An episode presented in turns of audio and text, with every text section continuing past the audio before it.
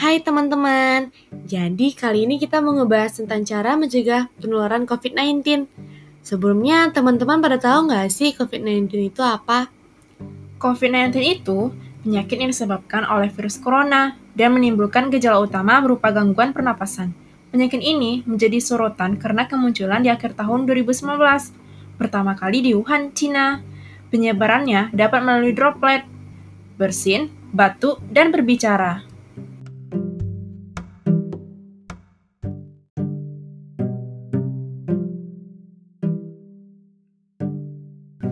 Untuk mencegah penularan COVID-19, kita dapat mengikuti protokol kesehatan.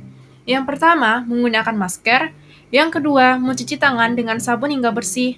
Yang ketiga, menjaga jarak minimal 1 meter.